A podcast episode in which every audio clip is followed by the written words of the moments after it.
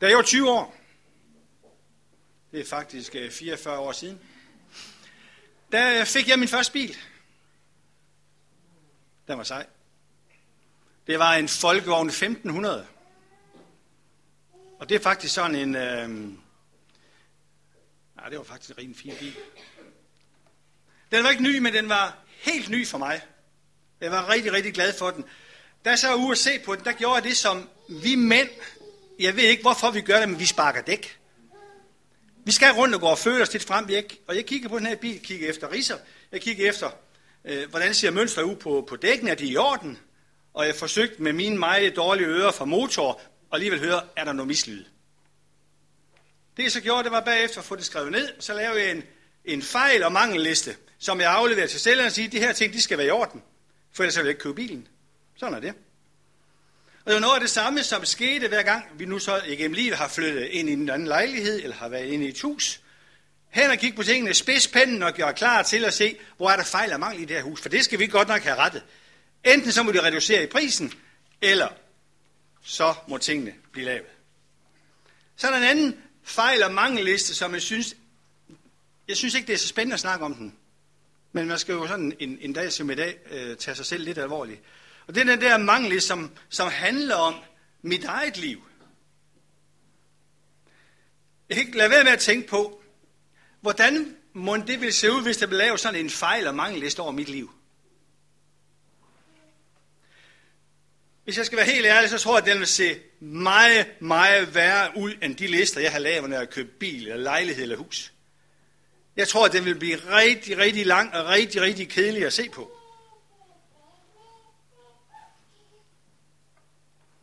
Billedligt talt, hvis man laver en fejlliste over mit hus,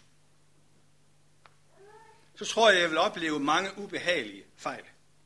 Måske vil jeg blive opmærksom på, at den dør, at hængslerne ser en dør ind til mit bønneliv, at de hængsler knirker, fordi jeg alt for sjældent lukker døren op. Måske jeg vil blive opmærksom på, at op på første sal, op på loftet, der ligger alle mine bekymringer gemt væk. Hvor er tilliden hen?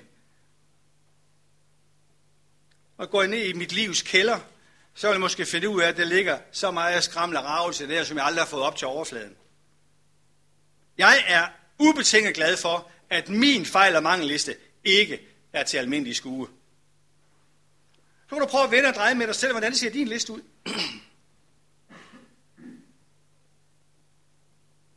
Har du lyst til, at nogen skal sige din, din liste? Den fejl og mangelliste, som kunne beskrive noget af dit liv. Kunne det være interessant for dig at hænge den op herude i gangen, så vi andre ligesom kunne gå og se på, nej, det var spændende at se Torbens liv. Nå, hold det op, er han sådan? Er han virkelig sådan? Er der nogen, der har lyst til at lave en liste og hænge op? Nej, I har det fuldstændig ligesom mig. Jeg vil i hvert fald have det dårligt. Der er nogle ting her i livet, som vi ønsker at holde ved os selv. Det tror jeg, det gælder os alle sammen. Der er nogle ting, som vi, kan man sige, det lukker vi ikke op for alle enhver. Men uanset om vi kan lide det her eller ej, så er min liste fuldstændig kendt af ham, som påsken handler om. Der er bare noget med ham, som påske handler om, der, der gør, at det er meget anderledes alligevel i forhold til den mangelliste og den fejlliste, som jeg selv har lavet. Jesus, han har aldrig nogensinde spidset pinden for at udrede alle mine fejl og mangler, og så skulle jeg se at få dem rettet. Han har ikke haft den mindste tanke om prisreduktion ind over mit liv. Selvom mit liv har masser af riser i lakken. Jeg vil gerne fortælle dig noget om, hvad han gør ved din og min fejl og mangelliste. Han gør nemlig det, at han navler den til korset langfredag. Prøv sådan lige at bevæge dig ud i forestillingens verden, og så prøv at forestille dig, at du øh, langfredag, sådan hen på formiddagen, går uden for Jerusalem. Der uden for Jerusalem, der er der sådan en høj. Ude på den høj, der er der plantet tre kors. På det midterste kors, der hænger Jesus. Hvis du prøver at lægge mærke til det, så vil du lægge mærke til, at det er meget specielt med det kors der. Ned fra korset, der hænger der en liste. En lang, lang, lang, lang liste. Og hvis du lægger mærke til, så er ligesom listen, der hænger på korset, det er bare en lille udskrift af den. Men den er umulig at læse. Du kan ikke læse, hvad der står på den. Det, der er interessant, det er, hvor, hvad er det, der gør, at vi ikke kan læse, hvad der står på den liste, som nu hænger der på Golgata Kors? Jeg vil godt prøve at sige noget om. Hvis du, du har været ude på Golgata Højen om morgenen, fredag morgen, så ville du have været vidner til nogle enorme, voldsomme scener. Du vil have set en romersoldat plante sig oven på armen af Jesus, på hans underarm, for at holde ham fast, samtidig med at han hamrede navlen ned igennem hans håndled. Ned i korsets tværbælke. Jesus, som er Guds søn, som er Gud selv, kunne som ingenting have knyttet sine hænder og banke både soldat og kors og navler væk. Ham, som stillede stormen på søen. Hvilket problem skulle det være for ham? Ham, som vækkede de døde til live, hvad problem skulle det være for ham at gøre det? Men han gjorde det ikke. Hans hånd rørte sig ikke ud af flækken. Hammerslagene, de faldt ned over ham. Huden blev smadret ved flække, blodet flød ned over bjælken, videre ned på jorden. Hvorfor fandt han sig i det? Det gjorde han på grund af sin utrolige kærlighed til dig og til mig. Der var mange, mange mennesker samlet på Golgata, Golgata Høj den her fredag morgen. De så, at Jesu hænder blev navlet til korset. Men de lagde ikke mærke til. Der var ingen af dem, der så listen på korset. Men Jesus, han vidste, den var der. Mellem hans hånd og korset, der hang den fast listen, der handler om din og min fejl og mangler. Listen, som består af alle menneskers sønder. Jesus han gjorde stort set det samme, som, som da jeg fik øje på alle fejl og mangler. Så gør han det samme ved os. Han har undersøgt os, han kender os fuldt ud. Der er ikke en eneste fejl på listen, som Gud eller som Jesus Kristus ikke kender til. Men det afgørende, forskellen på min liste, fordi jeg var så meget, jeg skulle have ret op på i mit eget liv og have, have krav på. Forskellen på min liste og hans liste, det er, ordene kan ikke tydes. De er slettet. De er fejlet ud eller viske ud. Alle fejl og mangler er skjulte. Toppen af listen er skjult, er hans hånd, som hænger på korset. Hele resten, kan man sige, billedligt er skjult af hans blod. Det var derfor. Derfor alene, at Jesus ikke på nogen måder prøver på at fjerne sine hænder fra Golgata Kors. Han så listen for at bruge det her billede. Listen som er en opremsning af mine og dine sønder, der var årsag til, det var det, der var årsag til, han ikke gjorde modstand. Han hang der for din og min skyld, for at vi kunne blive frie mennesker. Han vidste nemlig, at prisen for synden var det, han lige nøjagtigt nu her skulle lide. Det er døden. Han vidste, at det var dig og mig, der var ansvarlig for vores eget liv. Han vidste, at syndens løn er døden. Han kunne bare ikke bære tanken om en evighed uden dig, og en evighed uden mig. Derfor valgte Jesus navlerne. Når det kommer til stykke, så var det faktisk ikke en romersk soldat, der bankede navlerne ned igennem Jesu hænder. Det var ikke jøderne, der i et eller andet sted i bund og grund afsagde dødsdommen over Jesus. Det var ikke en romersk statsholder, der i bund og grund begik justitsmord. Det var udelukkende Jesus, der valgte navlerne. Alle andre var udelukkende statister i Guds frelsesplan. Jesus knyttede ikke nævne, da han hang der. Han holdt dem helt åbne. Havde den romerske, det er sådan i min verden, havde den romerske soldat tøvet bare et sekund med at banke navlerne igennem hans hænder, så har han selv taget over. Han vidste, hvad det handlede om. Han har banket masser af søm igennem sit liv. Han var jo tømmer. Jesus, han vidste noget om, hvordan det her det skulle gøres. Og han vidste noget om, som vores frelser, at det her måtte gøres.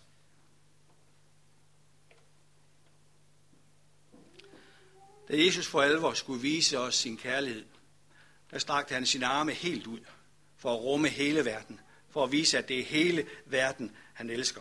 Og så lod han bare de romerske soldater banke løs. Sådan døde Jesus af kærlighed til dig og mig. Frivilligt. Han kunne ikke gjort hvad som helst, men han valgte det her, fordi han kunne ikke leve en evighed uden at vide, at vi har en mulighed for at være med. Langt fredag. Jeg ved godt, der er søndag i dag, men vi skal have starten med også. Langt fredag er et paradoks, som verden ikke begriber. Og samtidig er det det eneste håb, som verden har at gribe i.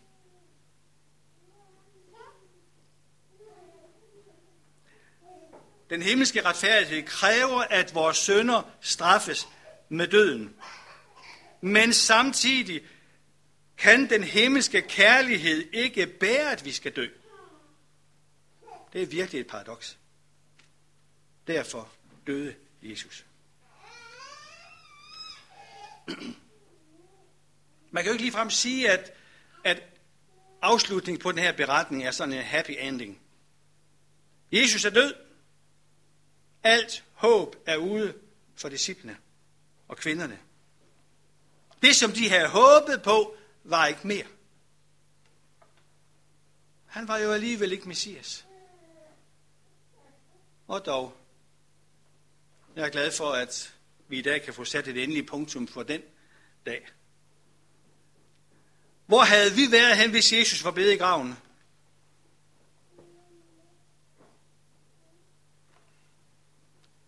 Så havde vi været ildestet. Der havde ikke været noget håb. Hvis Jesus var blevet i graven, så ville du og jeg også en dag forblive i graven. Hvis Jesus var forblevet i døden, så ville du og jeg også forblive i døden.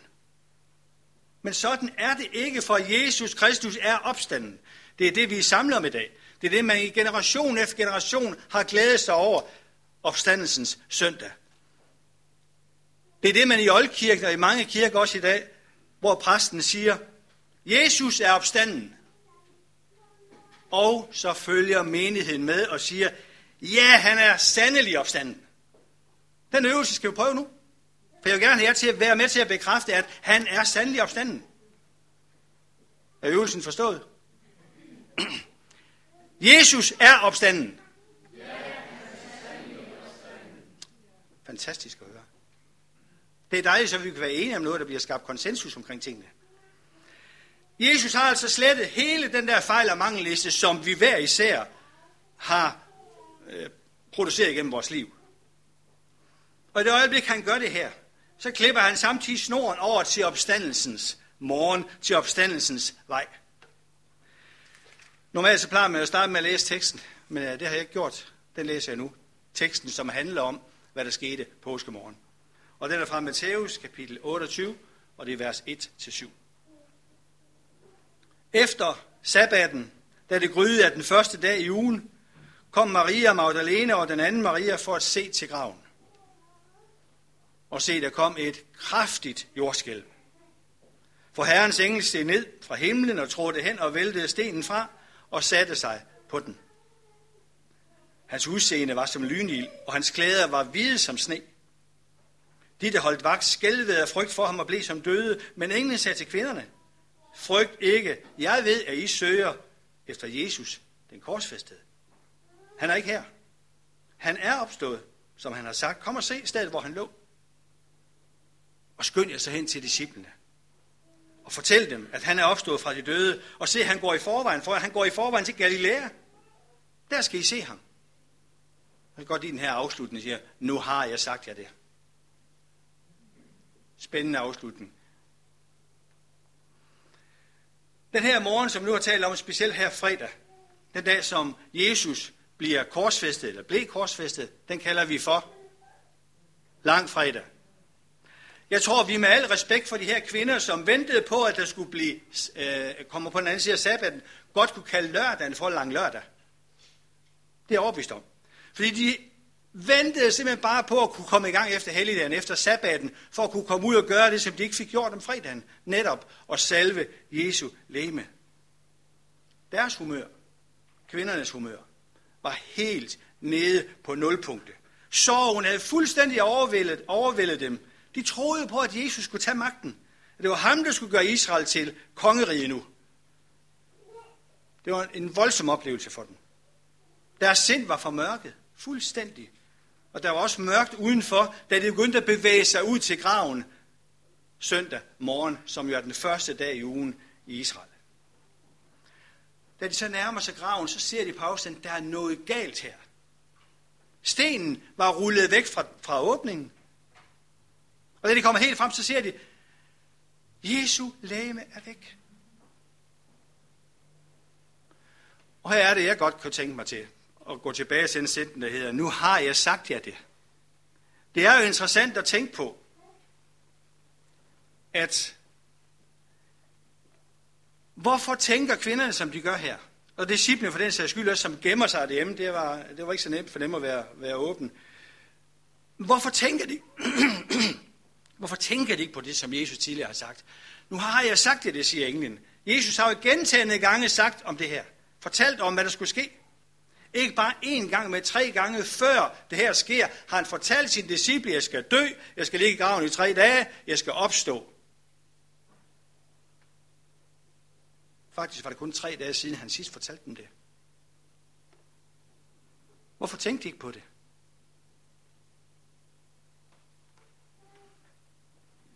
det? Jeg synes, det er et fantastisk spørgsmål. Jeg kan ikke engang selv svare på det. Jeg tror ikke, der er nogen, der kan. Men det, jeg ved, det er, at soveprocesser får mennesker til at lade være med at tænke. Man går fuldstændig i sig selv, går nærmest lidt i koma. Og det er måske det, der sker for disciplene og for kvinderne. Sorgen har lammet dem fuldstændig. Alt i deres liv er blevet formørket. Men søndag morgen, ude ved graven, der begynder morgengryet. Lyset begynder at fortrænge mørket. Lysets engel kom på besøg og siger til dem, frygt ikke. Der var rigtig, rigtig meget at frygte for dem. Men englen siger, frygt ikke. og som de første i verden, der oplever de her kvinder, sandheden er Johannes' ord. Fra hans første brev, kapitel 2, vers 8, hvor der står, mørket viger nu, og det sande lys skinner fra gravpladsen i Jerusalem, der lød, jeg tror, at de mest fantastiske ord, som nogensinde har lyttet ud over vores verden. Hvorfor leder I efter den levende blandt de døde? Han er ikke her. Han er opstået.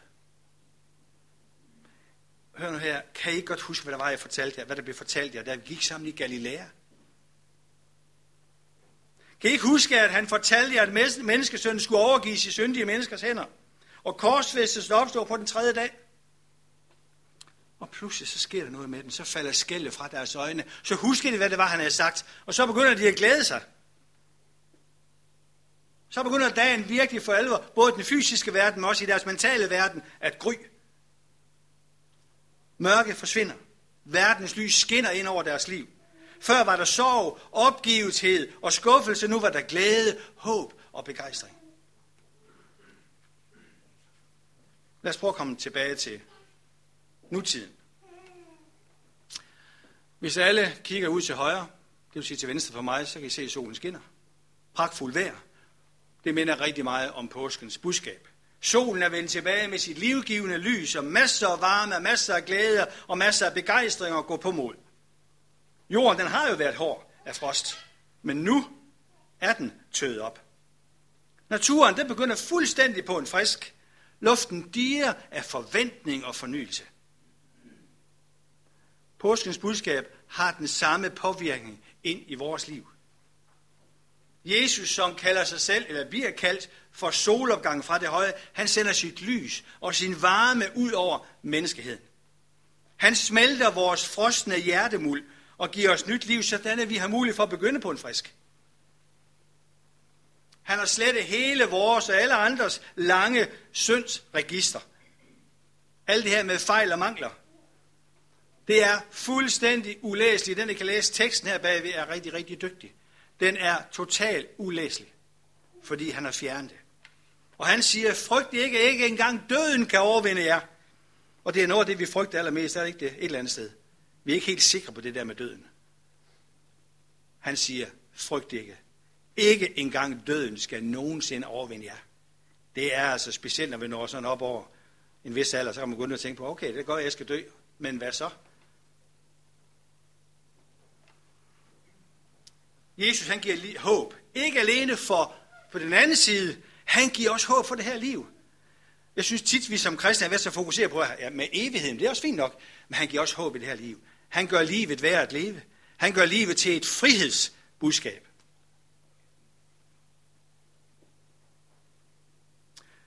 Jesus han har en gang for alle klippet snoren over til opstandelsens vej, sådan at du ligesom, ham, ligesom han selv skal være blandt de opstandende. Påskens budskab lyder sådan her til dig i dag. Hvis du ønsker, at din personlige fejl og mangelliste skal slettes, skal sådan tværes ud, så den aldrig nogensinde bliver synlig for Gud, så har du en ting at gøre. Sig det til ham selv.